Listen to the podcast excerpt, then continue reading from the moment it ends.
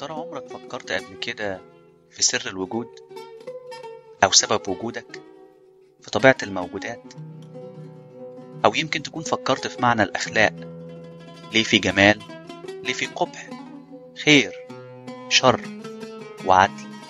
يا ترى في معنى للقيم من غير البشر؟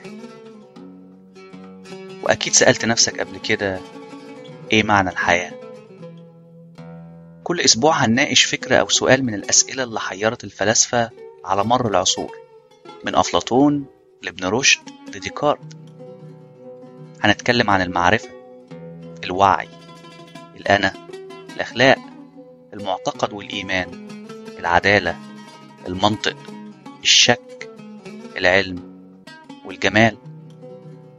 هنسافر عبر الزمان والمكان من فلاسفة الإغريق لآباء المتكلمين العرب لرواد الفلسفة الغربية الحديثة. في حلقات قصيرة بلهجة مصرية بسيطة. معكم أحمد الملط للفلسفة والمتفلسفين. أهلا بيكم في كلام فلسفة.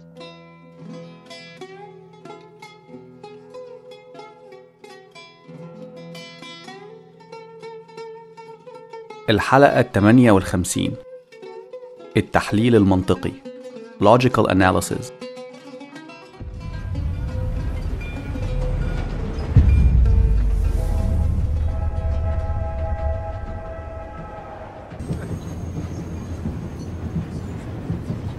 There is something about that tangle of strangers, pressed together for days with nothing in common but the need to go from one place to another and never see each other again.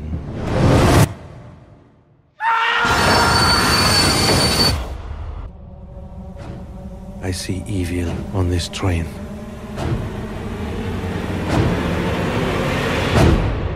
A passenger has died.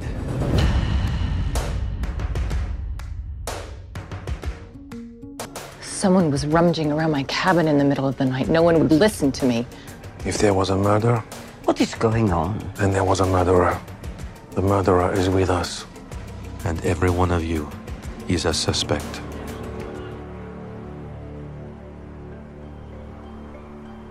تخيل إنك محقق بلجيكي مشهور معروف عنك قدراتك الغير عادية على تحليل الأحداث الغامضة والتوصل للحقيقة بعد النجاح الباهر اللي حققته في قضية كبيرة في الشرق الأوسط طلبت للتحقيق في قضية بمدينة لندن. بالرغم من عدم وجود مقصورات كافية على قطار الشرق السريع إلا أن الشرطة البريطانية حجزت لك مقصورة في عربة الدرجة الأولى على القطار كي تصل في أسرع وقت. على متن القطار بتقابل إدوارد أحد رجال الأعمال الأمريكيين. صاخب دائما ما تشم الكحول في ملابسه. معه سكرتيرته الشخصية ومترجمه هكتور بعد التعارف وعلمه بأنك محقق بيعرض عليك مبلغ مالي كبير مقابل حمايته على القطار خلال الرحلة التي تستغرق في العادة ثلاث أيام لأنه تلقى عدة رسائل تهديد من شخص غير معلوم. بترفض بأدب. في الليلة الأولى على القطار بتلاحظ بعض الأحداث الغريبة. بتسمع بعض الأصوات قادمة من غرفة إدوارد. وبترى شخص يرتدي كيمونو أحمر بيغادر غرفته مس- مسرعا في منتصف الليل. تستيقظ في الصباح على صوت صرخة قادمة من حجرة إدوارد. بعد اقتحام الغرفة بتجد إدوارد مقتول بطعنات عديدة غارق في دمائه. القطار بيرتد بعنف ويتوقف. قبل أن يأتي قائد القطار ويخبركم أن هناك عاصفة ثلجية أوقفت القطار وأنه سيظل عالق إلى أن يتم إصلاحه في خلال أيام. بتخبر الركاب الاثنى عشر على متن العربة التي تمت فيها الجريمة إنك ستقوم بالتحقيق في القتل بما إنك محقق. وإن الجميع محل الاشتباه لأن القاتل ما زال بينكم ولم يغادر العربة بتبدأ بفحص الجثة وبتكتشف إن هناك 12 طعنة في أماكن متفرقة من جسمه. النافذة تركت مفتوحة في الغرفة لكن لا توجد آثار للدماء على الثلج بالخارج. يبدو أن القاتل بيحاول خداع المحققين بإيهامهم أنه هرب من النافذة. بتجد بالغرفة منديل مطرز على جانبه حرف الاتش منظف غليون ورقة بيضة مكتوب عليها اسم أرمسترونج بتعثر في أوراق إدوارد على مذكراته اللي بتساعدك في فهم دافع قتل في الجريمة. بعد ما بتربطها بجريمة اختطاف لطفلة اسمها ديزي أرمسترونج حدثت قبل ثلاث سنوات مقابل فدية. وعلى الرغم إن عائلة الطفلة دفعت الفدية إلا إن المختطف قتل الطفلة في النهاية. بتستنتج إن إدوارد غالبا كان الخاطف والقاتل للطفلة وبالتالي عائلة الطفلة وراءه تسعى للانتقام. بتبدأ في عملية استجواب لركاب العربة التي تمت فيها الجريمة.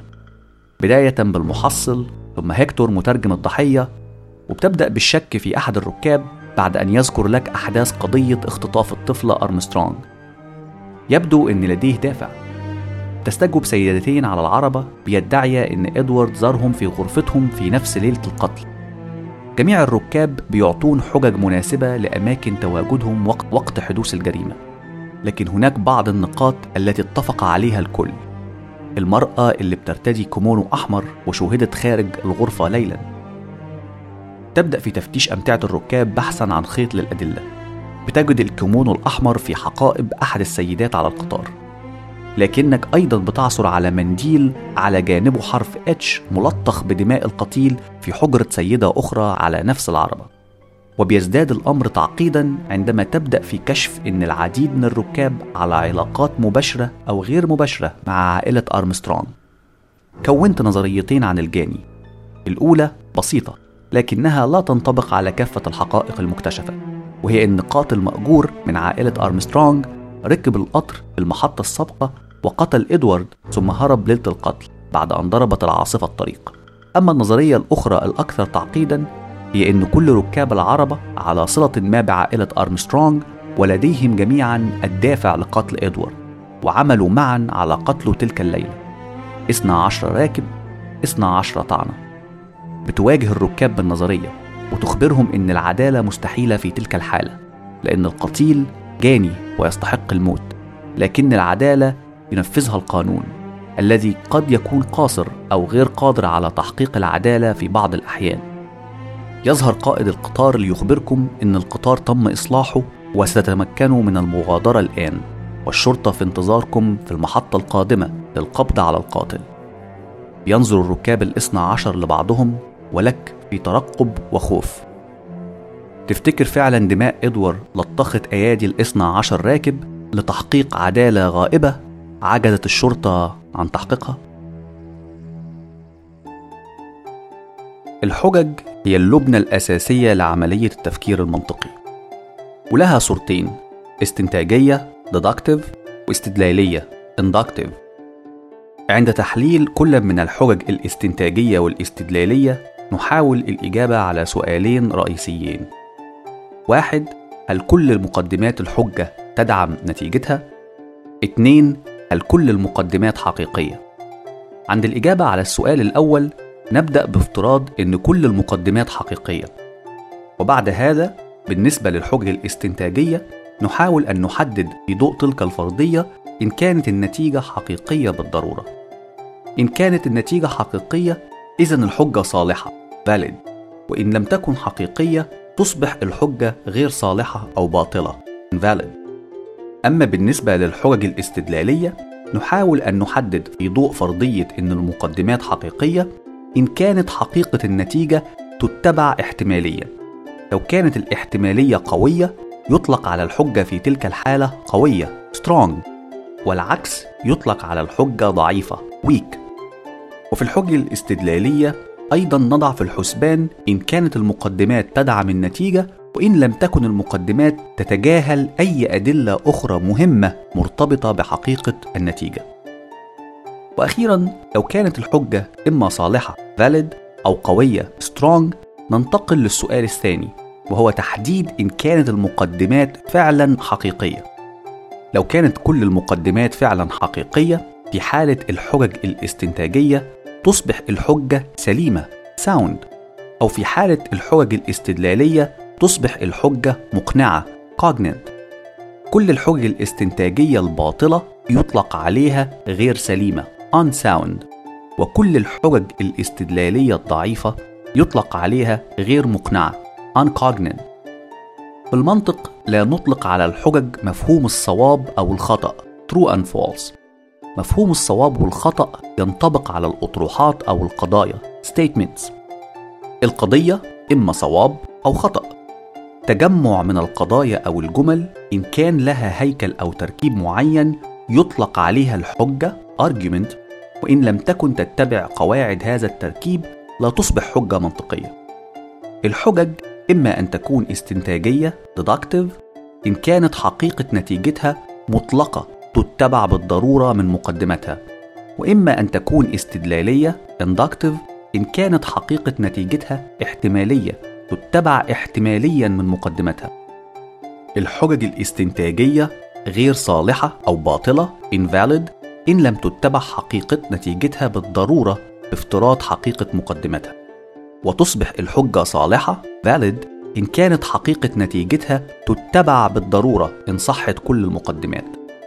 والحجة الاستنتاجية الصالحة إما أن تكون سليمة sound لو كانت فعلا مقدماتها حقيقية أو غير سليمة unsound لو كانت أحد مقدماتها غير حقيقية. أما الحجج الاستدلالية قد تكون ضعيفة weak إن كانت احتمالية حقيقة النتيجة بناء على المقدمات ضعيفة وقوية strong إن كانت تلك الاحتمالية قوية. الحجج الاستدلالية القوية إما أن تكون مقنعة cognant لو كانت فعلا مقدماتها حقيقية. أو تكون غير مقنعة uncognant لو كانت مقدماتها غير حقيقية. ارجع لحلقة أسس علم المنطق. من الممكن أن تنظر إلى هذا التقسيم على أنه خريطة دلالية لتحليل الحجج المنطقية.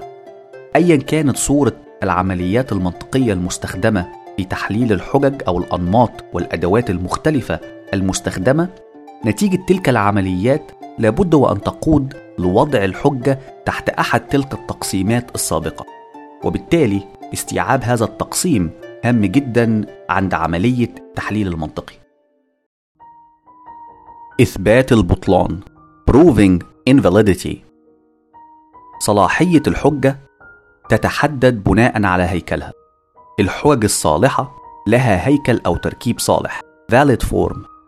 وكل الحجج الباطلة invalid لها صورة أو تركيب واحد.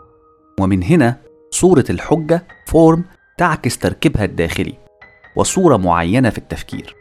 هذا النمط في التفكير إن كان جيد تصبح الحجة صالحة أو بالعكس تصبح الحجة باطلة. أحد صور الحجة الصالحة تكون على الصورة التالية. واحد كل صاد هو سين. اثنين كل عين هو صاد.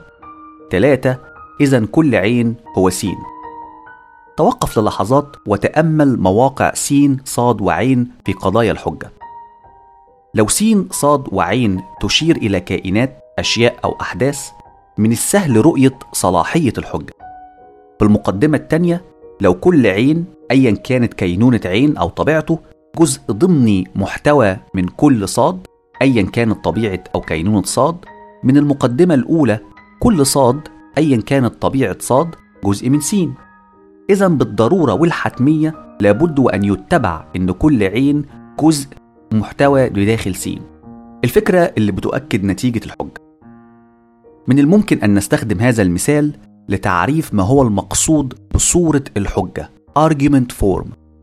صورة الحجة من الممكن تصورها على إنها ترتيب الحروف س صاد عين أو الكائنات داخل الحجة والكلمات كل وجزء من بحيث إن عند استبدال الحروف س صاد عين بأي كائنات أشياء أحداث أو مجموعات من الأشياء طالما حافظنا على نفس التركيب اللغوي والكلمات المستخدمة تصبح الحجة صالحة لأنها تنطبق على هذه الصورة من الحجة. الفكرة دي بيطلق عليها التمثيل substitution instance اللي من اسمها واضح الفكرة وراها. نقوم فيها بتمثيل صورة أو قالب الحجة الرمزية. كلمة قالب template قد تكون معبرة هنا جدا حسب خلفيتك.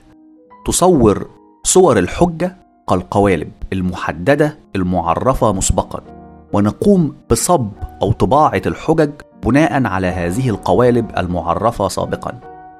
تأمل المثال التالي. واحد كل الأحداث الرياضية ممتعة. اتنين ماتشات كرة القدم هي أحداث رياضية. تلاتة إذا كل ماتشات كرة القدم ممتعة. الحجة دي صبة على القالب السابق أو تمثيل لصورة الحجة المعرفة مسبقا. كل اللي عملته إني استبدلت س بممتعة وصاد بالأحداث الرياضية وعين بماتشات كرة القدم. لكن في الحقيقة في بعض الأحيان تكون الحجة صالحة لكن الصورة أو القالب الذي تنطبق عليه غير واضح أو محدد. كيف من الممكن إذن أن نتعامل مع تلك الحجج؟ إن كنا ندعي أن كل الحجج الصالحة لها صورة أو قالب محدد مسبقا. في الحقيقة هذا النوع من الحجج غير مكتمل أو هناك بعض أجزاء الحجة ضمني لكن بمجرد وضع الحجة في صورة كاملة لا يوجد فيها أي أطروحات ضمنية. تظهر صورة الحجة أو قالبها. ارجع لحلقة أسس علم المنطق. مثلا تأمل الحجة التالية. الأوز طيور مائية مهاجرة. لذلك تطير جنوبا للبيات الشتوي. هذه الحجة غير كاملة لأنها تفتقد لأطروحة الطيور المائية المهاجرة تطير جنوبا للبيات الشتوي. وبالتالي من الممكن وضع الحجة بصورة مكتملة كالآتي. واحد كل الطيور المهاجرة تطير جنوبا للبيات الشتوي. اتنين كل الأوز طيور مائية مهاجرة. تلاتة إذا كل الأوز طيور مائية مهاجرة تطير جنوبا للبيات الشتوي. هذه الحجة تنطبق على القالب أو الصورة السابقة. فقط استبدلنا س صاد وعين ومثلناها بالكائنات والأحداث في الحجة. لكن ليست كل الحجج صالحة. الحجج الباطلة لها أيضا صور أو قوالب محددة تمثل نمط في التفكير الغير منطقي محدد مسبقا. مثلا أحد صور الحجج الباطلة تكون كالآتي. واحد كل صاد هو سين. اتنين كل عين هو سين. تلاتة إذا كل صاد هو عين. في هذه الصورة لو افترضنا إن كل الكائنات من نوع صاد جزء من أو محتواه داخل كل الكائنات س وكل الكائنات من نوع عين جزء من أو محتواه من الكائنات من الكائنات س لا يتبع هذا بالضرورة إن كل الكائنات من نوع صاد تصبح جزء من الكائنات من نوع عين. لو الفكرة مش واضحة بالنسبة لك تأمل هذا التمثيل للصورة أو لقالب تلك الحجة الباطلة. واحد كل القطط حيوانات. اتنين كل الكلاب حيوانات. تلاتة إذا كل القطط كلاب. المقدمة الأولى حقيقية والمقدمة الثانية أيضا حقيقية. لكن النتيجة خاطئة لأنها لا تتبع من حقيقة كل من واحد واثنين. استبدال س صاد عين بالحيوانات القطط والكلاب يوضح لماذا هذه الصورة من التفكير باطلة. الآن بما أننا أثبتنا أن هذه الصورة أو القالب من الحجة خاطئ إذا هل من الممكن أن نقول أن أي تمثيل لتلك الصورة باطل؟ ما تستعجلش. للأسف لا. الحجج الباطلة أكثر تعقيدا من الحجج الصالحة. كل تمثيل لصورة أو قالب حجة صالحة دائما صالح. لكن العكس غير صحيح. أي إن ليس دائما صحيح. أن إن كل تمثيل لصورة أو قالب حجة باطلة باطل. وده لأن التمثيلات لصور الحجج الباطلة في بعض الأحيان قد تمثل صور أو قوالب لحجج صالحة. وبالتالي الأمر غير مباشر في تقرير بطلانها. وفي تلك الحالة القاعدة تكون أي تمثيل لصورة أو قالب حجة باطلة يكون باطل فقط في حالة إن هذا التمثيل لا ينطبق عليه صورة أو قالب حجة صالحة. أي إن فكرة إن احتمالية إن تمثيلات الحجج الباطلة قد يكون أيضا تمثيل لصور حجج صالحة تفرض علينا توخي الحذر عند تحديد صورة أو قالب الحجة. تأمل هذا التمثيل لصورة حجة. واحد كل العزاب أشخاص. اتنين كل الرجال الغير متزوجين أشخاص. تلاتة إذا كل العزاب رجال غير متزوجة. يا ترى هل هذه الحجة صالحة أم باطلة؟ الحجة تمثيل لصورة الحجة الباطلة التي طرحتها منذ قليل. لكن مصطلح العزاب متطابق مع مصطلح الرجال الغير متزوجة.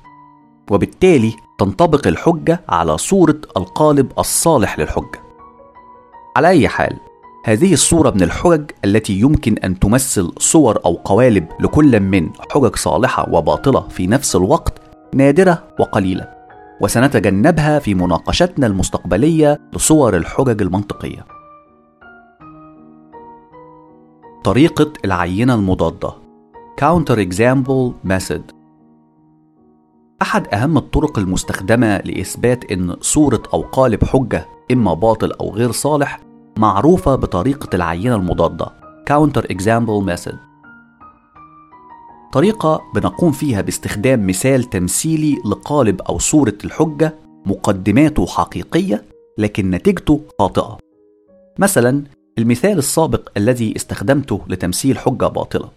بإظهار أن المقدمات حقيقية لكن النتيجة خاطئة نحن نعزل حالة محددة من خلالها نثبت أن الصورة أو القالب المستخدم للحجة باطل. طريقة العينة المضادة تستخدم لإثبات بطلان الحجج الباطلة، لكنها لا يمكن أن تستخدم لإثبات أن قالب حجة ما صالح. وبالتالي قبل أن نطبق طريقة العينة المضادة لابد أن نكون على علم أن صورة الحجة باطلة أو على الأقل شاكين أن الحجة باطلة. تأمل المثال التالي: بعض الموظفين ليسوا متملقين. جميع المديرين من الموظفين. نستنتج أن بعض المديرين ليسوا متملقين. هذه الحجة باطلة، لأن الموظفين الغير متملقين بعضهم قد لا يكون من المديرين.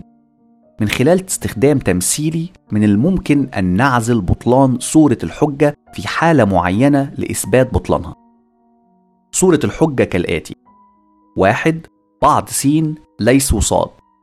اتنين كل عين هم صاد. تلاتة إذا بعض عين ليسوا صاد. بعد هذا نقوم باختبار ثلاث تمثيلات نستبدل فيها الحروف سين صاد وعين. بحيث إن هذه الاستبدالات أو التمثيلات تجعل المقدمات صحيحة لكن النتيجة خاطئة مثلا لو استبدلنا صاد بالحيوانات سين بالثدييات عين بالكلاب نتيجة التمثيل في تلك الحالة تصبح واحد بعض الحيوانات ليست من الثدييات اتنين كل الكلاب من الحيوانات تلاتة إذا بعض الكلاب ليست من الثدييات أرجو إن التمثيل يكون أوصل الفكرة. المقدمات حقيقية وسليمة، لكن النتيجة بكل تأكيد خاطئة. إلا لو كنت على دراية بنوع من الكلاب بيبيض مثلا. إذا طريقة الحجة المضادة هنا ساعدت في إظهار إن قالب الحجة باطل أو غير صالح. من المهم عند صياغة الحجة المضادة أن نبدأ بتمثيل النتيجة أولا. اختيار مصطلحين يقودان إلى نتيجة خاطئة. وبعد هذا اختيار مصطلح ثالث يؤدي إلى أن تكون المقدمات حقيقية في المثال السابق من المهم إدراك تأثير الكلمات المستخدمة في قالب الحجة مثلا بعض تعني على الأقل إن هناك حالة واحدة تنطبق عليها الأطروحة أو القضية. مثلا في جملة بعض الكلاب حيوانات تعني على الأقل هناك كلب واحد من الحيوانات. لابد أنها جملة صحيحة. لاحظ أيضا نفس الجملة لا تعني بالضرورة إن بعض الكلاب ليست حيوانات. القالب السابق ده أحد أشهر صور أو قوالب الحجج الاستنتاجية معروف بالقياس المنطقي التصنيفي. Categorical syllogisms لكن ليست كل الحجج الاستنتاجية قياس منطقي تصنيفي تأمل مثلا هذا المثال أحد صور القياس المنطقي الافتراضي hypothetical syllogism إذا فرضت الحكومة رسوم استيراد فسوف يرتفع سعر السيارات. لذلك بما أن الحكومة لن تفرض رسوما على الاستيراد فإن ذلك يعني أن سعر السيارات لن يرتفع. هذه الحجة باطلة لأن سعر السيارات من الجائز أن يرتفع بالرغم من عدم فرض الحكومة رسوم استيراد. صورة أو قالب الحجة كالآتي: واحد لو سين إذا صاد. اتنين ليس سين تلاتة إذا ليس صاد لو طبقنا التمثيل بمثال آخر واستبدلنا سين بالرئيس المصري السابق مبارك أغتيل وصاد الرئيس المصري السابق مبارك ميت تصبح العينة المضادة كالآتي. واحد لو أغتيل الرئيس المصري السابق مبارك إذا الرئيس مبارك ميت. اتنين الرئيس المصري السابق مبارك لم يقتل. ثلاثة إذا الرئيس المصري السابق مبارك ليس ميتا. بما أن المقدمات صحيحة لكن النتيجة بالقطع خاطئة إذا المثال بكل تأكيد باطل. إذا القالب أو الصورة باطلة. مما يثبت أن الحجة الأصلية باطلة غير صحيحة. عندما نقوم بتطبيق طريقة العينة المضادة على حجة تحتوي على جملة شرطية ضمن المقدمات كما في المثال السابق من المفضل اختيار جملة تمثيلية لتلك الجملة الشرطية تحتوي على علاقة ما ضرورية. مثلا في مثال الرئيس السابق القضية الأولى الممثلة للجملة الشرطية تؤكد على العلاقة الضرورية ما بين القتل والموت. لا يوجد أدنى شك في حقيقة أن شخص ما قتل يصبح ميت وبالتالي حقيقة الجملة راسخة. بنفس الصورة لو كانت الجملة النتيجة في الحجة شرطية أحد الطرق التي من الممكن استخدامها لصياغة مثال أو أطروحة خاطئة على صورتها هو دمج شرط صحيح مع نتيجة تابعة خاطئة. مثلا الجملة الشرطية لو مشمش قطة إذا مشمش كلب. بكل تأكيد أطروحة خاطئة. قدرتك على تحديد صورة أو قالب الحجة بسهولة تتطلب أولا أن تكون على معرفة بصور أو قوالب الحجج المنطقية الاستنتاجية. أولا يجب أن تحدد المقدمات والنتيجة في الحجة. ثانيا لابد وأن تفرق بين كلمات القالب form words من كلمات المحتوى content words كي تستطيع أن تختزل الحجة إلى صورتها القياسية أو قالبها. عند الاستبدال أو التمثيل نترك كلمات القالب كما هي ونستبدل كلمات المحتوى بالرموز. مثلا قالب القياس المنطقي التصنيفي categorical syllogism بيحتوي على كلمات كل ليس بعض هو ولا. هذه هي كلمات القالب لا تتغير أو تستبدل. أما في قالب القياس المنطقي الافتراضي hypothetical syllogism كلمات زي لو إذا ليس هي كلمات القالب أيضا. هناك كلمات قالب أخرى مثل إما كل من وتستخدم في صور أو قوالب أخرى من الحجج الاستنتاجية. لكن ليس دائما من السهل تحديد صورة أو قالب الحجة. وفي تلك الحالة أحد الطرق السهلة هو استخدام البديهة في نقل المثال إلى صورة أو قالب حجة ثم محاولة إيجاد عينة مضادة له. مثلا جميع نجوم السينما ممثلون مشهورون لأن جميع نجوم السينما المشهورين هم ممثلون. لو استبدلنا نجوم السينما ممثلون ومشهورون بالرموز س صاد عين يصبح قالب الحجة كالآتي. واحد كل س صاد هو عين.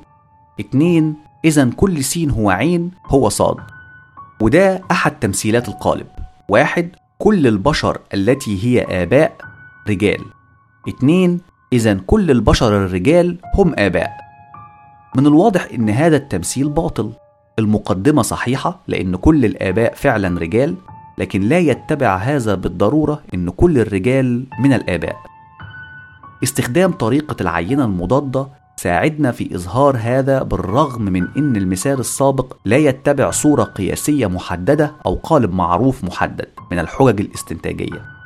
استخدام طريقة العينة المضادة قد يتطلب قليل من المرونة والإبداع لأن لا توجد قواعد محددة يجب اتباعها لتمثيل الصورة أو القالب. لكن هناك إرشادات عامة كما أشرنا منذ قليل. الطريقة فعالة جدا في إظهار بطلان الحجة لأن ترتيب حقيقة المقدمات وبطلان النتيجة نمط غير عقلاني غير منطقي تقبله كل العقول الإنسانية السليمة. إعادة الصياغة. Paraphrasing Arguments. الحجج التي نتعرض لها بشكل يومي غير مباشرة ولا يتم صياغتها عادة في شكل قياسي. قد يختلف ترتيب مقدماتها أو حتى في بعض الأحيان معاني مقدماتها قد تستخدم لغة غامضة أو ملتبسة. هيكل الحجج قائم بالدرجة الأولى على العلاقة بين مركباتها وبالتالي القدرة على تقييم إن كانت الحجة صحيحة أو صالحة يعتمد على قدرتنا على فهم العلاقة بين مركبات الحجة.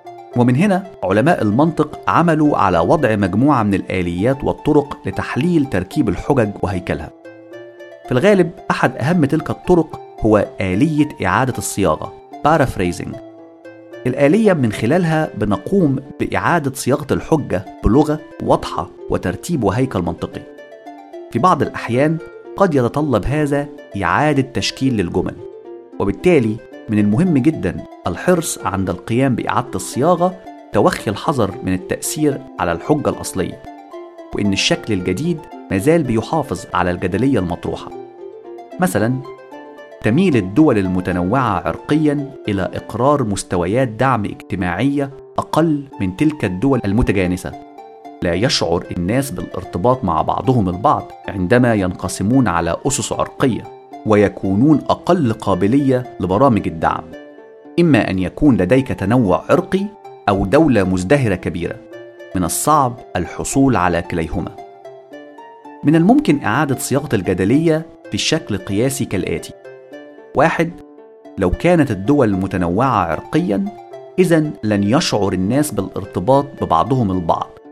اثنين إن لم يشعر الناس بالارتباط ببعضهم البعض يكونون أقل قابلية لبرامج الدعم الاجتماعي الكبرى. ثلاثة إذا الدولة المتنوعة عرقيا أقل قابلية على اعتناق برامج دعم اجتماعي كبرى. في بعض الأحيان إعادة الصياغة تقوم بأكثر من مجرد إعادة ترتيب أو تشكيل الحجة. على سبيل المثال قد تظهر إعادة الصياغة الفرضيات الخفية داخل الحجة. مثلا عالم الرياضيات الإنجليزي جو فريدي هاردي قدم الجدلية التالية في كتابه دفاع رياضي A Mathematician's Apology اللي نشره سنة 1940 الجدلية كالآتي سيتم ذكر أرشميدس ونسيان أسيخلوس لأن اللغة تموت لكن الأفكار الرياضية لا تموت. من الممكن إعادة صياغة تلك الجدلية كالآتي واحد اللغة تموت. اثنين أسخليوس كتب مسرحياته باستخدام اللغة. ثلاثة إذا أعمال أسخليوس ستموت في النهاية. أربعة الأفكار الرياضية لا تموت. خمسة أعمال أرشميدس كانت أفكار رياضية. ستة إذا أعمال أرشميدس لن تموت. سبعة إذا أرشميدس سيتم ذكره لكن أسخليوس سينسى. كما ترى عملية إعادة الصياغة في المثال السابق لم تقم فقط بإعادة هيكل وترتيب قضايا الحجة لكنها أيضا قامت بإظهار القضايا والأطروحات الخفية في سياق جدلية هاردي. إذا آلية إعادة الصياغة تجعل الحجة سهلة التعرف عليها داخل النص وبالتالي الحجة الصادرة عن عملية إعادة الصياغة من الضروري أن يتحقق فيها بعض أو كل الشروط التالية. واحد الحجة تستخدم مؤشرات المقدمات والنتيجة اللغوية. اتنين الحجة تستخدم أحد صور أو قوالب الحجج المنطقية المتعارف عليها. ثلاثة حجة تظهر الفرضيات الخفية القائمة على السياق أو المعرفة السابقة. أربعة الحجة تتخلص من المصطلحات ذات المعاني الغامضة أو الملتبسة. إعادة الصياغة تعتمد على عدة آليات ومهارات لغوية بسيطة منها على سبيل المثال واحد ترتيب قضايا الطرح بشكل بديهي يسهل عملية الاستيعاب أي تبسيط هيكل وترتيب الصياغة اللغوية 2. تبسيط اللغة المستخدمة في النص الأصلي 3. التخلص من القضايا والأطروحات الغير مرتبطة بنتيجة الحجة 4. تحديد وتوحيد المصطلحات المستخدمة 5. تحديد النتائج الوسيطة وأيها يعتمد بشكل مباشر على بعضها البعض مخططات الحجج. Arguments Diagrams. الآلية الثانية لتحليل الحجج بهدف فهمها هو رسم مخطط الحجة أو الجدلية. Diagramming Argument. من خلال المخطط من الممكن أن تمثل الهيكل أو التركيب اللغوي للحجة في صورة بيانية. تدفق قضايا المقدمات والنتيجة يتم تمثيلها في مخطط ثنائي الأبعاد. Two Dimensional Chart. المخطط بكل تأكيد غير مطلوب في حالة الحجج البسيطة بالرغم من أنه قد يساعد في فهم الحجة. لكن عندما تكون الحجة معقدة لها مقدمات عديدة متشابكة بطرق مختلفة مخطط بياني قد يكون كبير الأثر في فهم الحجة. كي نستطيع رسم مخطط بياني للحجة أولا نقوم بترقيم كل قضايا الحجة بنفس الترتيب الذي تظهر به داخل الحجة. نرسم دائرة حول كل رقم. وباستخدام الأسهم نقوم بإظهار العلاقات ما بين القضايا بالإشارة من رقم قضية إلى القضية الدالة عليها. ترتيب الدوائر الممثلة للقضايا الحجة يتبع بعض القواعد التنظيمية. واحد نتيجة الحجة تظهر في نهاية المخطط مستقلة تابعة للقضية التي تدل عليها اثنين المقدمات التي تقود لنفس النتيجة ولا تعتمد على بعضها البعض يتم وضع دوائرها على نفس المستوى الأفقي. هناك عدة صور من الأنماط أو الطرق المختلفة لتمثيل الحجة. النمط العمودي أو الرأسي vertical pattern. هذا النمط من التخطيط يتم رسم مخطط لحجة مقدماتها غير متوازنة أو متناسقة في تأثيرها. أي إن المقدمات لا تقدم دعم أو دليل مباشر لنتيجة الحجة لكن المقدمات تدعم مقدمات أخرى التي بدورها تدعم النتيجة النهائية. في تلك الحالة المخطط بسيط. كل مقدمة لها دائرة على مستوى أفقي مستقل والسهم الخارج منها يشير للمقدمة التابعة لها في تسلسل يبدو مثل العقد أو السلسلة إلى النتيجة النهائية. على سبيل المثال واحد بيع الأعضاء البشرية مثل القلب الكلى لابد أن يتم تجريمه. اثنين السماح ببيع الأعضاء البشرية سيقود بدون شك إلى إعطاء الأغنياء ميزة تقريرية لأنهم سيكونون قادرين على شراء تلك الأعضاء. ثلاثة طبقا لقانون العرض والطلب عندما يتم شراء شيء نادر وبيعه كسلعة يرتفع السعر دائما. من الممكن رسم مخطط لتلك الحجة كالآتي. مخطط رأسي يبدأ من القضية رقم ثلاثة على مستوى مستقل ويشير إلى دائرة اثنين أسفلها وسهم منها يشير إلى النتيجة النهائية للحجة وهي القضية رقم واحد في أسفل المخطط. انظر إلى الشكل المرافق. المخطط يظهر لنا أن القضية رقم واحد هي نتيجة الحجة مدعومة بالقضية 2 التي أيضا مدعومة بالقضية 3 النمط الأفقي horizontal pattern هو صورة أخرى من السهل توضيحه من خلال المثال التالي.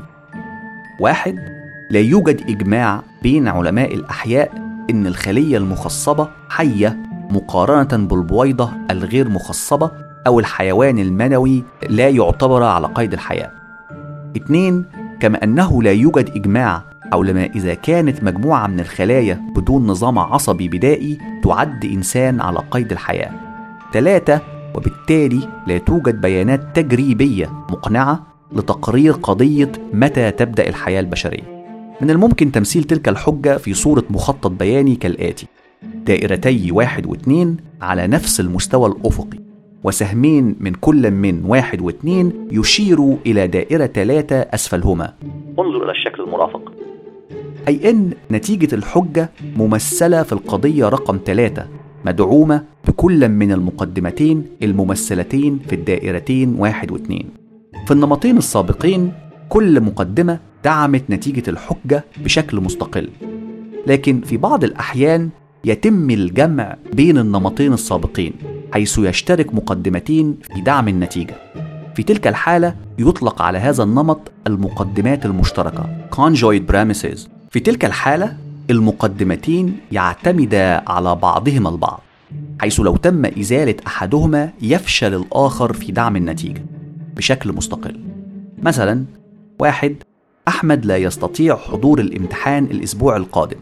اثنين حضور الامتحان يتطلب التسجيل في بداية الفصل الدراسي ونسبة حضور أعلى من 80% ثلاثة نسبة حضور أحمد أعلى من 80% لكنه غير مسجل. في تلك الحالة النتيجة الممثلة في الدائرة واحد تتطلب كل من الدوائر اتنين وتلاتة مجتمعتين تحت قوس لدعم حقيقتها. وهي عدم قدرة أحمد على حضور الامتحان. معرفة مثلا القضية المطروحة في اتنين وهي شرط الحضور غير كافي لاستنتاج عدم قدرة أحمد على حضور الامتحان. ومعرفة القضية المطروحة في ثلاثة وهي نسبة حضور أحمد وعدم تسجيله في المادة غير كافي بمفرده لاستنتاج عدم قدرة أحمد على حضور الامتحان.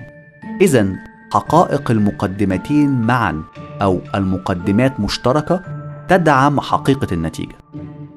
نمط آخر هو عندما تقدم الحجة عدة نتائج multiple conclusions في تلك الحالة يتم تمثيل الحجة بالمقدمات تشير بسهم إلى قوس يجمع مجموعة من الدوائر الممثلة لكل نتائج الحجة مثلا واحد الزواج المبكر وعدم إكمال التعليم هما السببين الرئيسيين وراء ازدياد نسبة الفقر في المجتمع.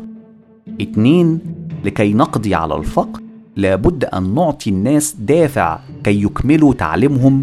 وأيضا ثلاثة لابد من تشجيع الأسر على رفض الزواج المبكر. انظر للشكل المرافق. في تلك الحالة الدائرة واحد المقدمة تشير إلى قوس يجمع تحته كل من النتيجتين اتنين وتلاتة. لو فاكر من حلقة أسس علم المنطق الجدلية لا يمكن أن تحتوي على أكثر من نتيجة.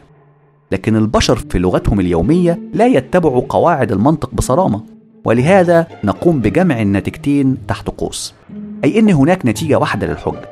مثال آخر على نص تتعدد فيه نتائج الحجة ويصبح من الضروري على المحلل أن يجمع نتائج الحجة تحت نتيجة واحدة هو نص مقتطف من خطاب من كارل ماركس لفريدريك إنجلز قال فيه واحد تعجيل القيام بالثورة الاجتماعية في إنجلترا هو أهم عنصر من الممكن حدوثه في رابطة العمال الدولية. اثنين الوسيلة الوحيدة لتعجيل الثورة هو استقلال أيرلندا. ثلاثة بالتالي تصبح المهمة الدولية خلق صراع بين إنجلترا وأيرلندا. أربعة وفي كل المحافل الدولية نقف صراحة خلف دعم أيرلندا. هناك جدليتين في تلك الحجة لكن النتيجتين مدعومتين بنفس المقدمتين واحد واثنين.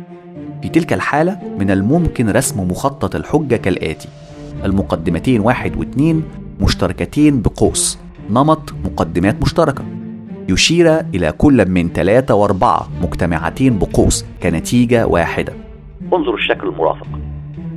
دي الصور الأربعة الأساسية لتمثيل العلاقات بين قضايا الحجة. هذه اللغة التصويرية الرمزية كافية الآن كي تستخدم لتحليل الحجج الأكثر تعقيدا التي قد نتعرض لها في الكتابات والمناقشات اليومية. المثال القادم أكثر تعقيدا. واحد قمم الجبال الصحراوية مواقع جيدة لعملية البحث الفلكي. اتنين بسبب ارتفاعها تكون فوق جزء من الغلاف الجوي الأمر الذي يمكن الضوء الصادر عن النجوم من الوصول إلى التلسكوب دون الحاجة إلى صبر أعماق الغلاف الجوي. ثلاثة وبسبب طبيعتها الجافة الصحراء عادة ما تكون خالية من السحب. أربعة السحب والضباب يشكل حاجز في السماء أمام أي قياسات فلكية. في تلك الحجة القضية واحد هي نتيجة الحجة والثلاث حجج الأخرى هي مقدمات تلك الحجة لكن الطريقة التي يقدم بها الدعم غير متكافئة المقدمة اتنين بمفردها تدعم النتيجة وهي ارتفاع قمم الجبال. لكن المقدمة ثلاثة وأربعة مشتركتين لابد وأن يطرحا معا كي يدعم النتيجة وبالتالي المخطط يصبح كالآتي. بجمع النتيجة ثلاثة وأربعة نمط المقدمات المشتركة وكلاهما مع المقدمة 2 بشكل مستقل النمط الأفقي يدعما النتيجة واحد النتيجة النهائية للحجة.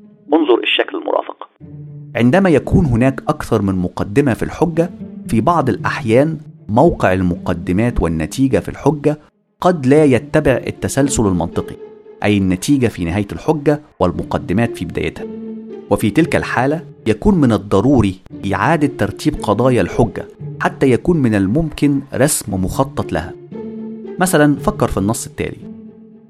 المصدر الحقيقي والأصلي لإلهام المفكرين المسلمين كان القرآن والأحاديث النبوية من الواضح إذن أن الفلسفة الإسلامية لم تكن مجرد نسخة كربونية من الفكر اليوناني السالف عليها لأنها اهتمت بشكل أساسي بالمشكلات التي نشأت في المجتمعات الإسلامية وذات صلة بالثقافة الإسلامية الدينية.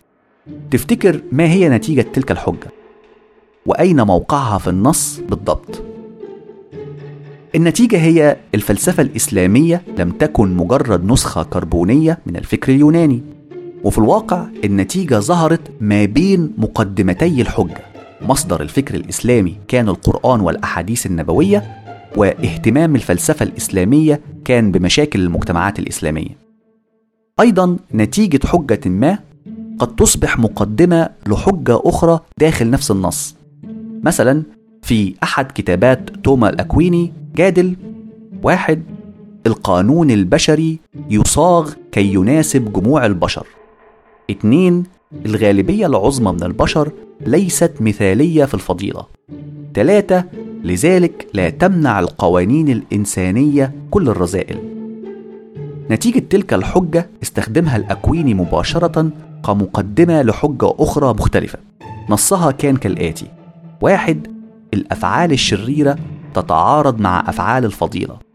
اتنين لكن القانون الإنساني لا يحظر كل الرذائل. تلاتة إذا القانون الإنساني لا يصف كل أعمال الفضيلة.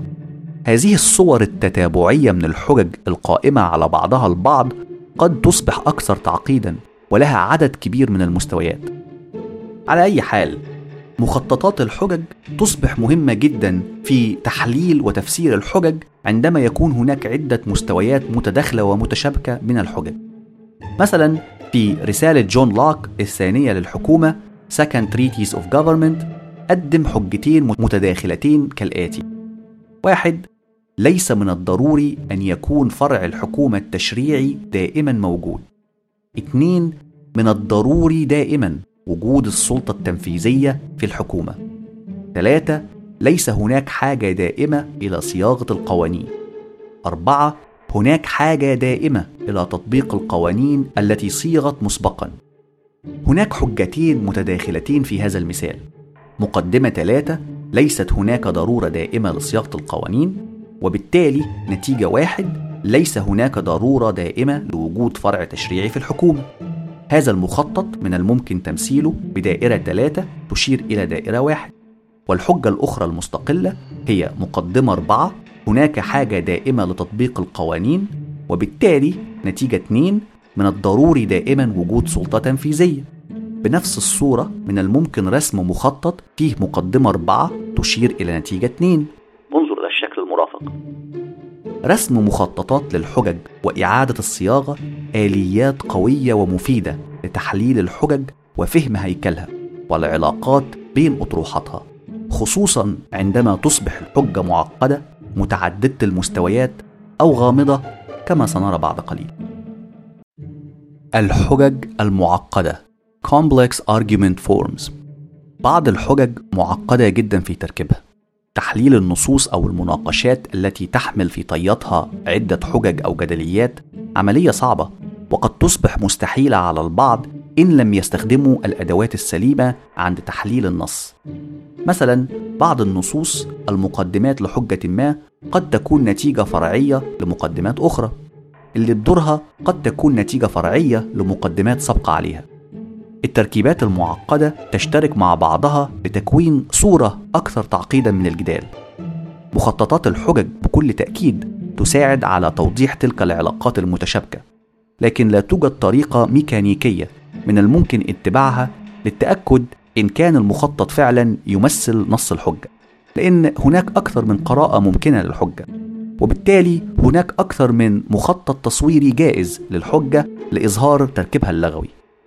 النصيحة اللي من الممكن أقدمها لك عند تحليل الحجج هو المحاولة الصادقة لفهم عملية التفكير العقلانية التي قام بها صاحب الحجة ومحاولة تحديد الدور الذي يلعبه كل عنصر من عناصر النص في دعم الحجة. في الأمثلة التالية سأقوم بترقيم قضايا الحجة داخل النص لمساعدتك في فهم تركيب الحجة وعلاقتها. لكن في الواقع النصوص لن تحتوي على تفصيل وترقيم لقضايا الحجة. تحديد قضايا الحجة الخطوة الأهم في فهم وتحليل الحجة. يتبعها فهم وتحديد العلاقات بين قضاياها. بعد تحديد قضايا الحجة والعلاقات بينها يصبح من السهل الحكم على صحة الحجة إن كانت مقدمتها فعلا تؤدي لنتيجتها. فكر في نص الحجة التالية المقتبس من مقال بعنوان كيف تطور مضاد حيوي جديد How to develop new antibiotics العالم الأورام الأمريكي المعاصر إسكيل إيمانويل واحد البكتيريا المقاومة للمضادات الحيوية تكلف الاقتصاد 20 مليار دولار سنويا. اثنين نحاول تطوير مضادات حيوية لمقاومة هذه البكتيريا. لكن ثلاثة تطوير مضادات حيوية جديدة عملية غير مربحة. أربعة المضادات الحيوية عادة ما تعطى لمدة قصيرة من الوقت. وخمسة الأطباء يصفون المضادات الحيوية بشكل محدد تحت ظروف صحية معينة. ستة إذا كي نشجع تطوير مضادات حيوية جديدة الحكومة لابد وأن تضع جائزة مالية قدرها 2 مليار دولار لأي شركة تطور مضاد حيوي فعال. نتيجة الحجة هي القضية رقم ستة المدعومة بشكل مستقل بالمقدمة رقم واحد وهو التكلفة الباهظة التي تفرضها البكتيريا المقاومة للمضادات الحيوية على الاقتصاد. لكن أيضا النتيجة مدعومة بشكل مستقل بكل من المقدمتين اتنين وتلاتة وهو لابد من تطوير مضادات حيوية جديدة لكنها عملية مكلفة. وأخيرا المقدمة ثلاثة مدعومة بشكل مستقل بكل من المقدمة واحد واثنين وهو الأسباب المؤدية لارتفاع الكلفة المادية لتطوير المضادات الحيوية. لو حاولنا رسم مخطط لتلك الحجة سيكون على الصورة التالية. انظر الشكل المرافق. المقدمة أربعة وخمسة تشير بشكل مستقل إلى المقدمة ثلاثة نمط أفقي. المقدمة 2 و3 مشتركتين بقوس تشير إلى النتيجة 6 نمط المقدمات المشتركة. والمقدمة واحد تشير إلى النتيجة 6 نمط أفقي. المثال التالي نتيجة الحجة أول جملة في المقدمة. وأربع مقدمات تتبعها لتدعمها بشكل مباشر ومقدمتين يدعموها بشكل غير مباشر عن طريق نتائج بسيطة تأمل النص واحد من غير المرجح أن تكون الأبحاث التي تستخدم الحيوانات غير ضرورية أو سيئة. اتنين قبل إجراء تجربة باستخدام حيوانات من الفقاريات يجب مراجعة بروتوكول هذه التجربة من قبل لجنة مؤسسية تضم طبيب بيطري وعضو من الجمهور. ثلاثة وخلال البحث يتم مراقبة صحة الحيوان ورعايته بانتظام. أربعة يحتاج الباحثون إلى حيوانات صحية للدراسة في العلوم والطب. خمسة لأن الحيوانات غير الصحية يمكن أن تؤدي إلى نتائج خاطئة. ستة هذا حافز قوي للعلماء للتأكد من أن أي حيوانات يستخدمونها هي حيوانات صحية ويتم تغذيتها بشكل جيد. سبعة علاوة على ذلك تعتبر الأبحاث المتعلقة بالحيوانات باهظة الثمن. ثمانية ولأن التمويل محدود في العلوم. تسعة فإن البحوث عالية الجودة هي فقط القادرة على المنافسة بفاعلية للحصول على الدعم. انظر الشكل المرافق النتيجة الفرعية أربعة مدعومة بالمقدمة خمسة. الباحثون يحتاجون حيوانات صحية لأن الحيوانات غير الصحية تؤدي إلى نتائج خاطئة. النتيجة الفرعية أربعة بدورها مقدمة للنتيجة الفرعية ستة وهو أن تجنب النتائج الخاطئة في البحث العلمي حافز قوي لاستخدام الحيوانات الصحية والنتيجة الفرعية ستة بدورها مقدمة للنتيجة الأخيرة واحد وهو إن من غير المرجح إن الأبحاث العلمية التي تستخدم الحيوانات سيئة ومضرة في نفس الوقت المقدمتين سبعة وثمانية مجتمعتين يدعم النتيجة الفرعية تسعة الأبحاث المتعلقة بالحيوانات باهظة الثمن والتمويل محدود إذا الأبحاث عالية الجودة هي فقط القادرة على المنافسة بفاعلية للحصول على الدعم. هذه النتيجة الفرعية بدورها مقدمة للنتيجة الحجة الأخيرة رقم واحد. وعلى التوازي المقدمتين اتنين وتلاتة مستقلتين يدعم النتيجة الأخيرة واحد وهو أن التجارب تراجع من قبل لجنة متخصصة محايدة ويتم مراقبة صحة الحيوان ورعايته خلال البحث. أكيد ملاحظ الحجة معقدة قد إيه وترتيب المقدمات النتائج الفرعية والنتيجة الأخيرة لا يتبع السياق الرسمي الذي يقترحه علماء المنطق لكن التعقيد قد يظهر في صورة أخرى داخل النصوص أحيانا عن عمد أو سهو مثلا أحد تلك الصور هو تكرار نفس الفكرة أو الحجة بعدة صور مختلفة أو صياغات مختلفة. في تلك الحالة المخطط يساعد في إظهار تلك التكرارية. عند تحليل النص نستخدم نفس الرقم للإشارة للمقدمات المتكررة. تأمل النص التالي. واحد نظرية الانفجار الأعظم بيج بانج تنهار. اتنين وفقا للفكرة التقليدية بدأ الكون بالانفجار الكبير. انفجار هائل متماثل تماما قبل عشرين مليار عام. ثلاثة المشكلة هي أن علماء الفلك أكدوا من خلال الملاحظة وجود تجمعات ضخمة من المجرات التي هي ببساطة أكبر من أن تتشكل خلال 20 مليار سنة فقط. كما تظهر الدراسات المستندة إلى بيانات جديدة تم جمعها بواسطة القمر الصناعي مدعومة باستطلاعات أرضية سابقة. أربعة إن المجرات تتجمع في شرائط شاسعة تمتد مليارات السنين. خمسة وتفصل بينها مئات الملايين من السنوات الضوئية. ستة نظرا لملاحظة أن المجرات تنتقل في جزء صغير فقط من سرعة الضوء. تظهر الرياضيات. سبعة أن هذه المجرات الكبيرة من المادة يجب أن تستغرق ما لا يقل عن 100 مليار عام لتتحد مع بعضها. خمسة أضعاف طوال الوقت منذ الانفجار الأعظم المفترض. ثلاثة لاحظ التكرارية. لا يمكن إنشاء هياكل كبيرة مثل تلك الموجودة الآن في 20 مليار عام. اثنين لاحظ التكرارية مرة أخرى. نظرية الانفجار الكبير تقر بأن المادة انتشرت بالتساوي في الكون في هذه الصورة القياسية. ثلاثة لاحظ التكرارية. لا توجد وسيلة لمثل هذه المجموعات الضخمة للتشكل بسرعة. أرجو أنك تكون لاحظت تكرارية القضايا 2 و3 في الجدلية. المقدمات 4 5 و6 والأدلة القائمة على الملاحظة تعطي أسباب لدعم النتيجة الفرعية 7 وهو أن التجمعات الكبيرة من المادة تحتاج ما لا يقل عن 100 مليار عام كي تتحد. الأمر الذي بيعد خمس أضعاف الوقت المفترض منذ بداية الانفجار الأعظم.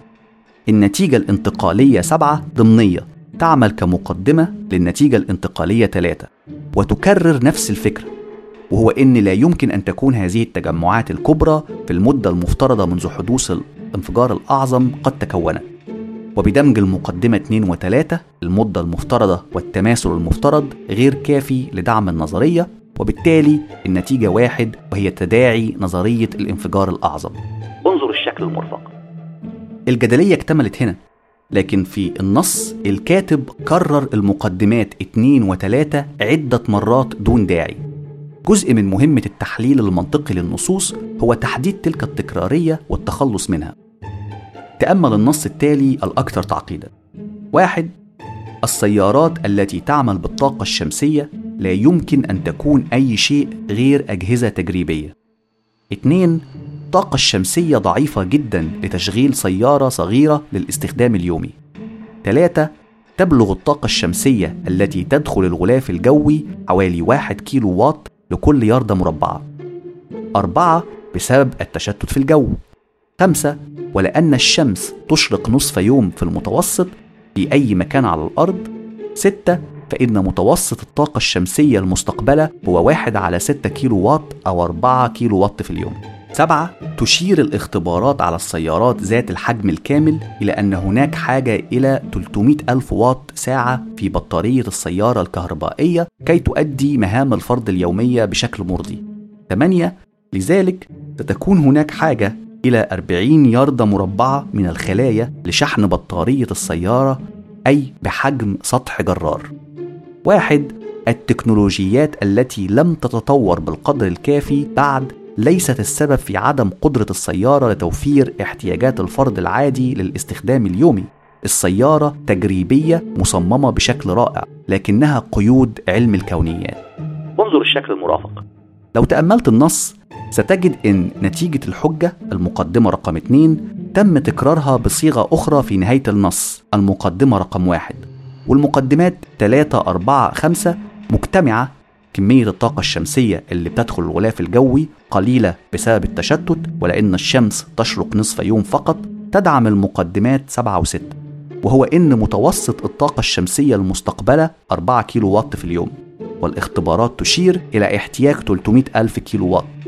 المقدمتين معا يدعم المقدمة 8 وهي إننا نحتاج 40 ياردة مربعة أي مساحة سطح الجرار لشحن سيارة. التي تدعم النتيجة الفرعية 2 وهو إن السيارات الكهربائية فكرة غير عملية. نفس الفكرة المكررة في النتيجة النهائية واحد لكن بصيغة أخرى. لاحظ إن حقيقة أو خطأ الجدليات التي نستخدمها كأمثلة هنا ليست الأمر محل التحليل لكننا نحلل التركيب والهيكل العام للحجة كي نستطيع تقييم سلامتها ومنطقيتها. المثال الأخير الذي سأطرحه عليك شديد التداخل والغموض لكنه صورة جيدة على كيف من الممكن أن تتشابك وتتداخل المقدمات وأطروحات الحجة في النصوص البشرية الغير محكومة بقواعد المنطق. تأمل النص التالي: مجلة نيو إنجلاند الطبية اتخذت موقفا. واحد بأنها لن تنشر تقارير لبحوث غير أخلاقية بغض النظر عن أهميتها العلمية. هناك ثلاث أسباب لهذا الموقف. أولا اثنين إن سياسة نشر البحوث الأخلاقية فقط إذا طبقت بشكل عام سوف تردع العمل الغير أخلاقي. ثلاثة يعد النشر جزء مهما من نظام المكافأة والتقدير في مجال البحوث الطبية. أربعة ولن يقوم الباحثون بإجراء دراسات غير أخلاقية إذا علموا أن النتائج لن تنشر. خمسة علاوة على ذلك هذه الدراسات أسهل في تنفيذها. ستة وبالتالي قد تمنح ممارسيها ميزة تنافسية. ثانيا سبعة إن رفض النشر حتى لو كانت الانتهاكات الأخلاقية بسيطة يحمي مبدأ أولوية موضوع البحث.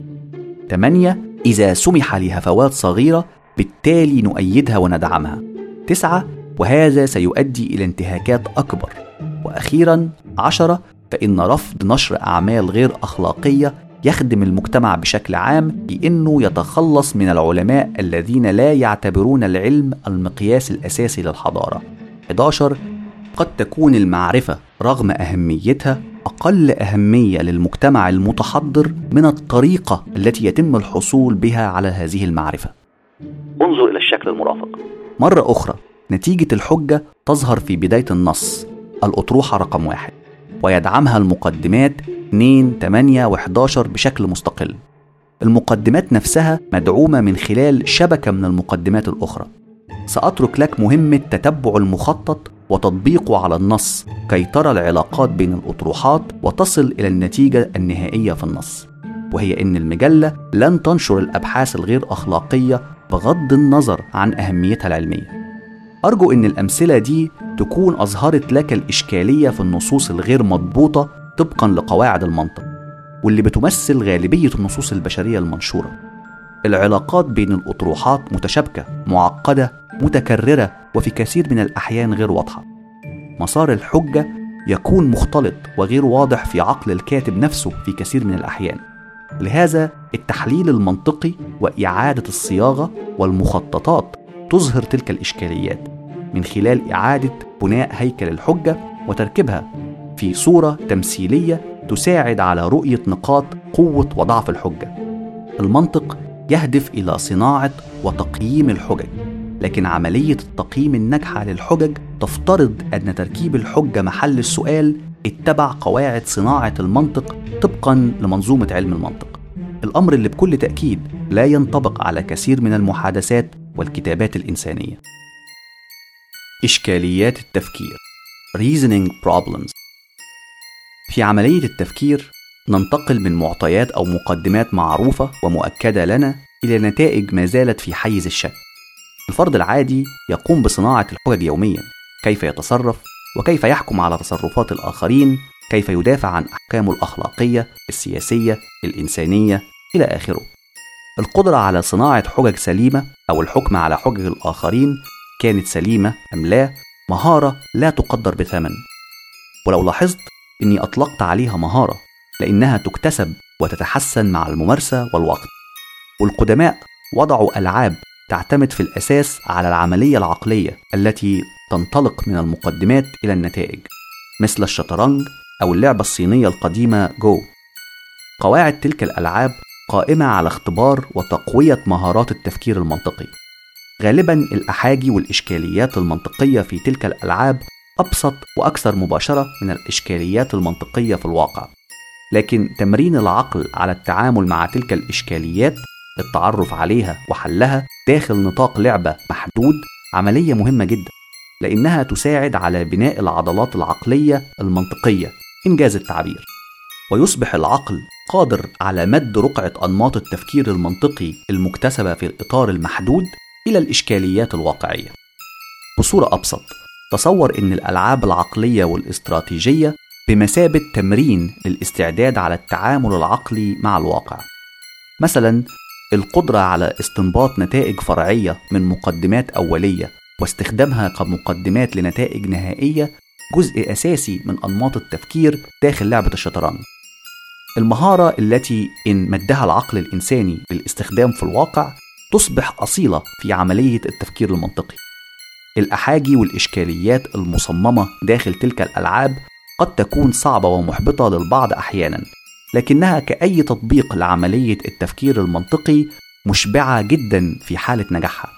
أو زي ما جادل الفيلسوف المعاصر جون دوي إن الاستمتاع بالمشكوك فيه هو علامة على العقل المتعلم. لكن الأحاجي والألعاب العقلية ليست دائما في الألعاب الشهيرة مثل الشطرنج أو جو لكن أحد صورها الشائعة هي الألغاز اللفظية.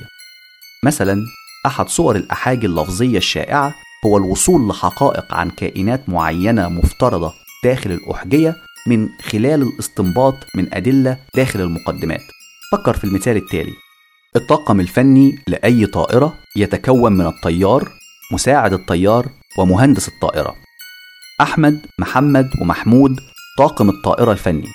مساعد الطيار أقل أفراد الطاقم دخلا. محمود متزوج أخت محمد. ودخله أكثر من الطيار. مساعد الطيار هو الطفل الوحيد لأبويه.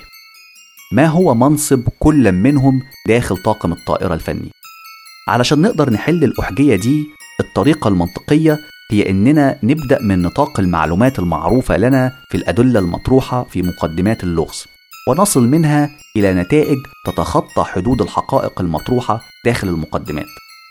في تلك الحالة المعلومات الأكثر المتوفرة لدينا حول الشخصيات هي المعلومات المتوفرة حول شخصية محمود. نحن نعلم أنه ليس قائد الطائرة لأن دخله أعلى من قائد الطائرة وبكل تأكيد هو ليس مساعد قائد الطائرة لأن مساعد الطيار أقل أفراد الطاقم دخلا.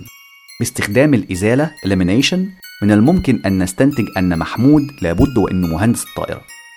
وباستخدام النتائج الفرعية نقدر نحدد وظيفة محمد. بكل تأكيد هو ليس مساعد الطيار لأنه له أخت ومساعد الطيار هو الطفل الوحيد لأبويه. لكنه أيضا ليس مهندس الطائرة. لأننا أثبتنا منذ قليل أن محمود هو مهندس الطائرة. إذا الوظيفة الوحيدة الباقية هي قائد الطائرة. إذا محمد هو قائد الطائرة. ويبقى الفرد الأخير أحمد لابد أنه بيتقلد الوظيفة الأخيرة الباقية وهي مساعد الطيار.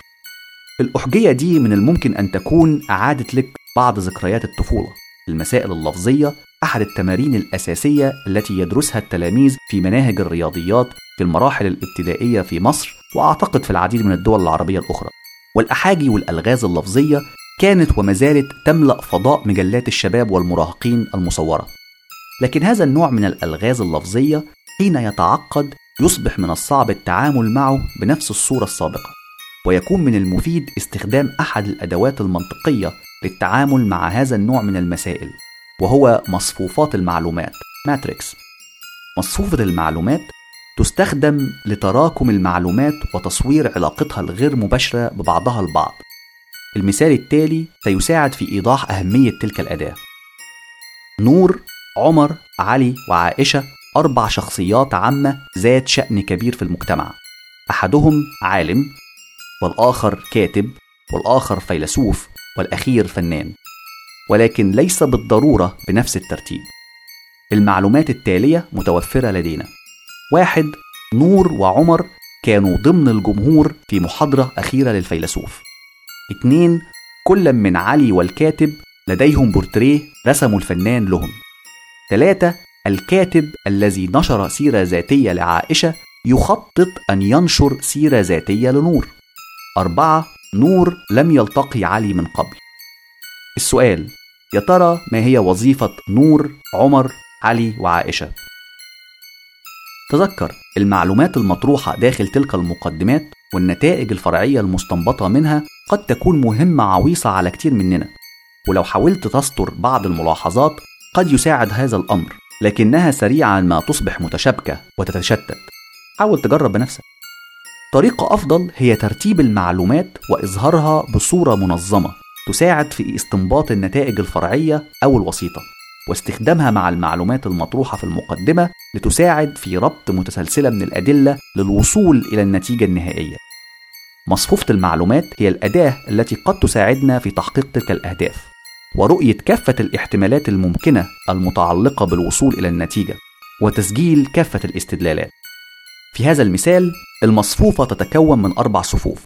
كل صف يمثل فرد من الأفراد الأربعة في اللغز وأربعة أعمدة كل عمود يمثل أحد الوظائف الأربعة التي من الممكن أن يعتنقها الفرد.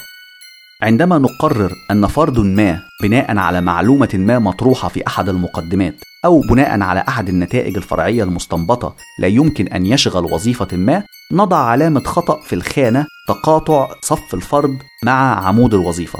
انظر الشكل المرافق. دعنا نبدأ بالمعطيات.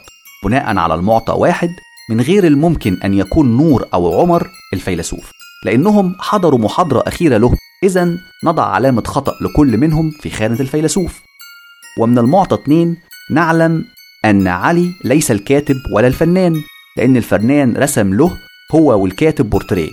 إذا نضع علامة خطأ لعلي في خانة الكاتب والفنان. ومن المعطى ثلاثة نعلم أن الكاتب لا يمكن أن يكون عائشة أو نور. لأنه نشر سيرة ذاتية لعائشة ويخطط لنشر سيرة ذاتية لنور. إذا نضع علامة خطأ لعائشة في خانة الكاتب وعلامة خطأ لنور في خانة الكاتب. حتى الآن المصفوفة تمثل فقط المعلومات التي نعرفها من خلال المقدمات. لكن هناك فئة أخرى من المعلومات وهي المعلومات التي نعلمها من خلال عملية الإزالة. لابد أن عمر هو الكاتب.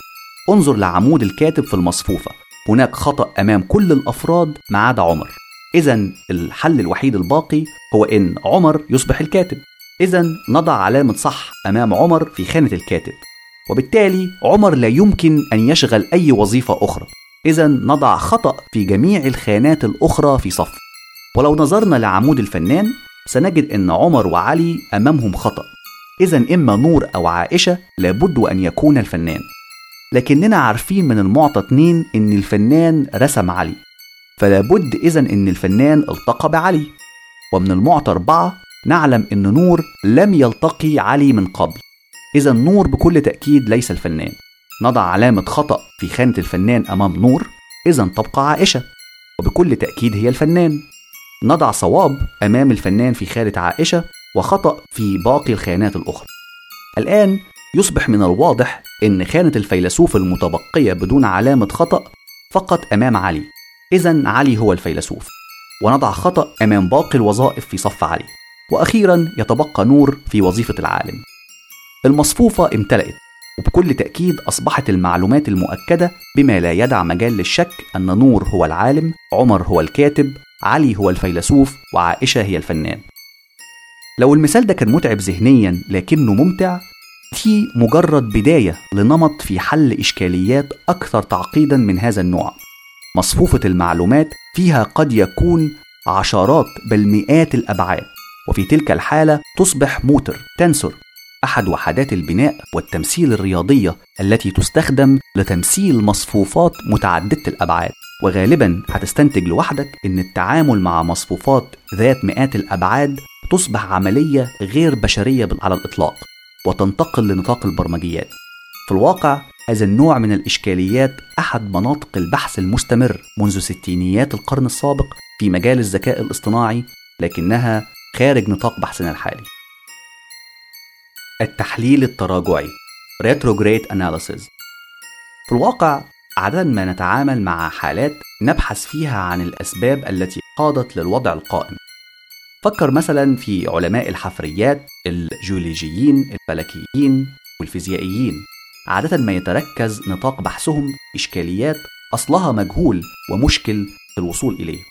هذا النوع من التفكير الذي يسعى إلى تفسير كيف نفسر كيف تطورت الأشياء من حالة سابقة مجهولة إلى حالة حالية معلومة معروف بالتحليل التراجعي. Retrograde Analysis. في الواقع تنشأ المشاكل المنطقية ضمن إطار نظري يتم توفيره من خلال المعرفة العلمية أو التاريخية. ولكن في الأحاجي أو المشكلات المدروسة أو المصممة يجب توفير الإطار من خلال قواعد الأحجية أو المشكلة نفسها.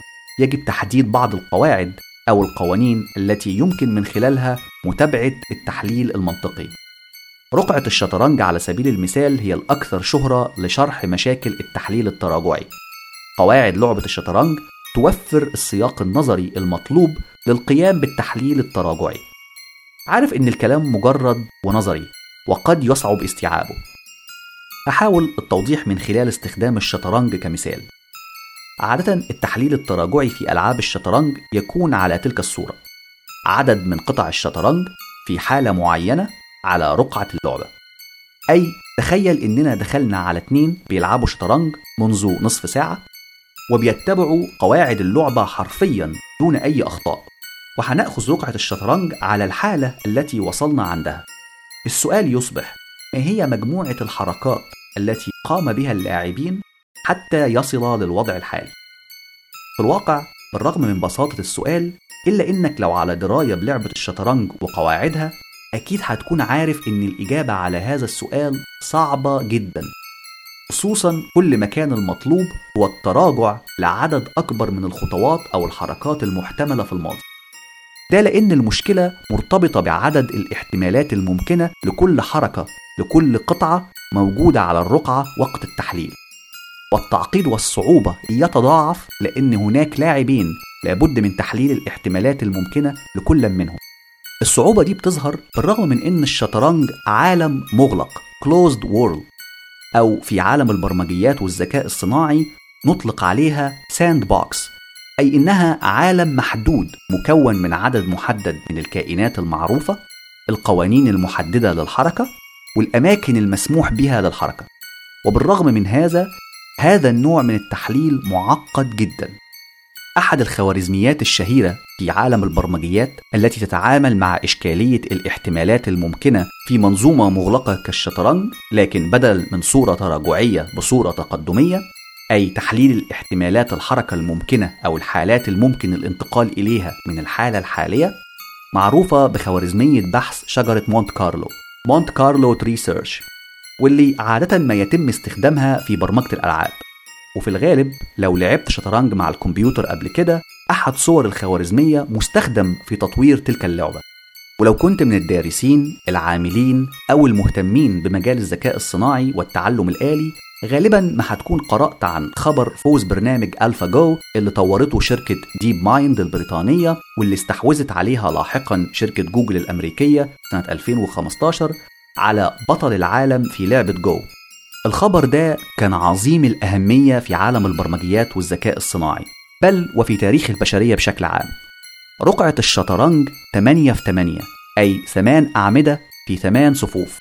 رقعة لعبة جو 19 في 19 تخيل عدد الاحتمالات الممكنة وشجرة القرارات التي من المفروض أن يقوم جهاز الكمبيوتر ببنائها.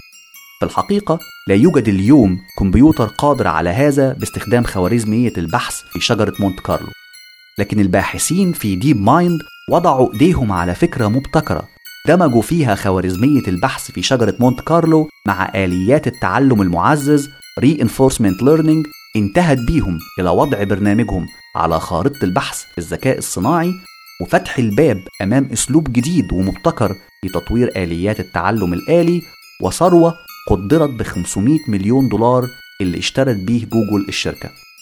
لكن دي قصة أخرى قد نعود إليها مرة أخرى في المستقبل عند مناقشة موضوع فلسفة الذكاء الصناعي على أي حال في الواقع العالم غير مغلق وقواعد اللعبة غير معلومة بالكامل أو الاحتمالات الممكنة غير محددة أو معروفة بالنسبة لنا.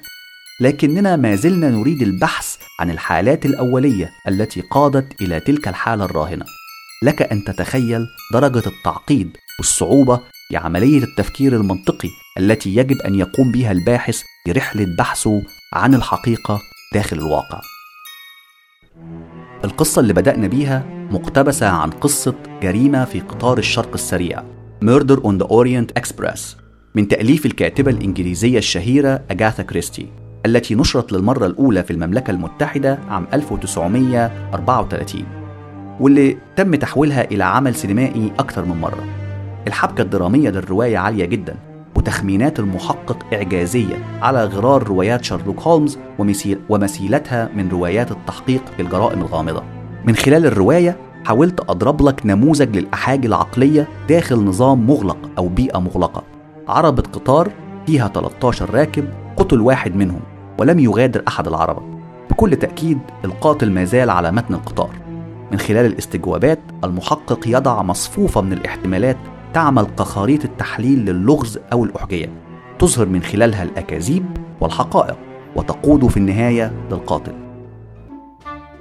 ودلوقتي فكر في الحجج والجدليات التي تتعرض لها يوميا. إيه هي يا ترى أفضل الطرق للتعرف على الحجج الباطلة؟ هل البطلان المنطقي له صور وقوالب متعارف عليها؟ وما هي الطرق والأدوات لتحليل الحجج والجدليات المنطقية؟ وهل تلك الطرق فعلا صالحة لتقييم الحجج في الواقع؟ أم إنها مجرد أدوات نظرية لتقييم الأحاجي داخل المنظومات المغلقة فقط؟ فكر تاني. في الحلقة الجاية سنعبر الحدود الفاصلة بين المنطق واللا عقلانيه بحثا عن صور من الجدال الباطل متخفية في عباءة المنطق. عن الحجج الباطلة مغالطات الارتباط المغالطات غير الرسمية المغالطات الاستقرائية المغالطات الكلامية وتصنيف المغالطات المنطقية هنتفلسف المرة الجاية. من دلوقتي الحلقة الجاية عيش الحياة بفلسفة.